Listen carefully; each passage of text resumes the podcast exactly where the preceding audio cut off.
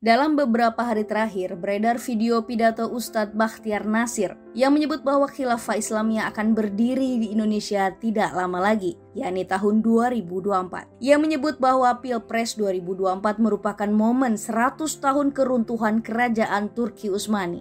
Momen itu menurut Nasir akan menjadi titik balik kebangkitan khilafah Islamiyah dan lahirnya pemimpin baru. Ungkapan itu disampaikannya dalam acara pertemuan Jalinan Alumni Timur Tengah Indonesia atau JATTI. Pernyataan kontroversial dan provokatif Bahtiar Nasir itu tentu kian memperkeruh suasana kebangsaan kita saat ini. Belum reda kontroversi khilafatul muslimin yang gencar mempropagandakan ideologi khilafah melalui pawai, sekolah, dan penggalangan dana. Kini muncul pernyataan dari penceramah agama yang menyebut khilafah akan berdiri di Indonesia pada tahun 2024 alias 2 tahun lagi.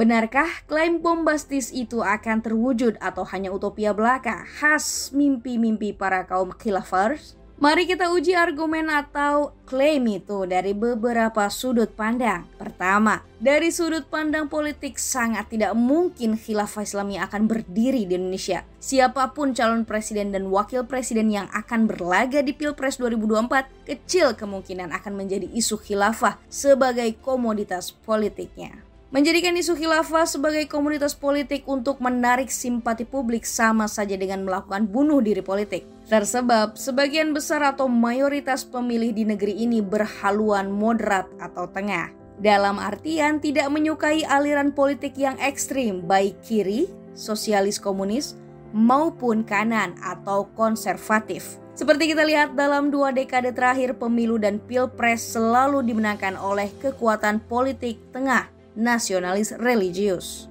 Lebih dari itu, siapa pun presiden yang terpilih nanti di tahun 2024 mustahil bisa dan mau mengubah dasar dan bentuk negara yakni Pancasila dan NKRI menjadi negara Islam berdasar khilafah. Untuk bisa mengubah dasar dan bentuk negara diperlukan persetujuan mayoritas anggota DPR MPR. Harus diakui, hal itu sulit terwujud. Pendek kata, terlalu mahal ongkos politik sekaligus risiko yang harus ia bayar jika seorang pemimpin ingin mengubah Indonesia menjadi negara khilafah.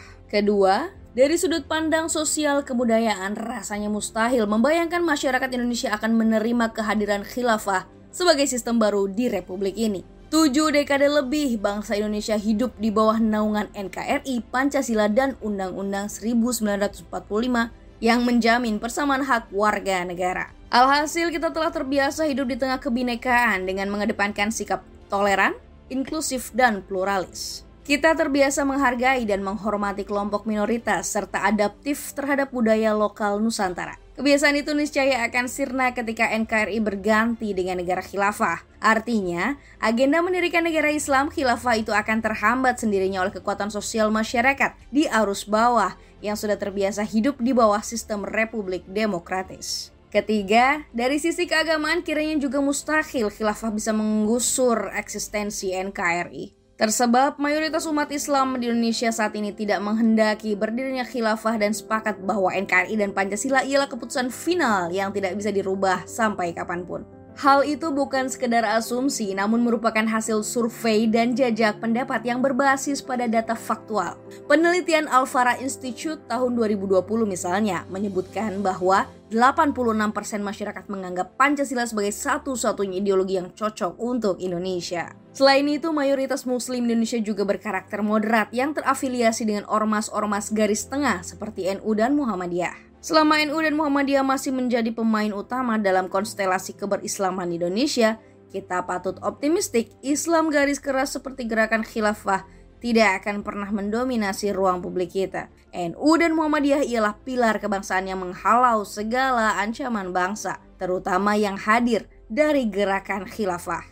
Dari tiga sudut pandang itu saja, klaim kebangkitan khilafah tahun 2024 sebagaimana digaungkan Bakhtiar Nasir kecil kemungkinan akan terwujud. Sebaliknya, kian ke sini umat Islam dan bangsa Indonesia kian solid dalam melawan gerakan radikal. Terbukti penindakan hukum terhadap khilafatul muslimin tempo hari banyak mendapatkan apresiasi masyarakat. Sebaliknya, narasi Islamofobia, kriminalisasi Islam, dan kriminalisasi ulama yang selalu diumbar kaum radikal untuk mendiskreditkan pemerintah cenderung tidak mendapatkan dukungan publik.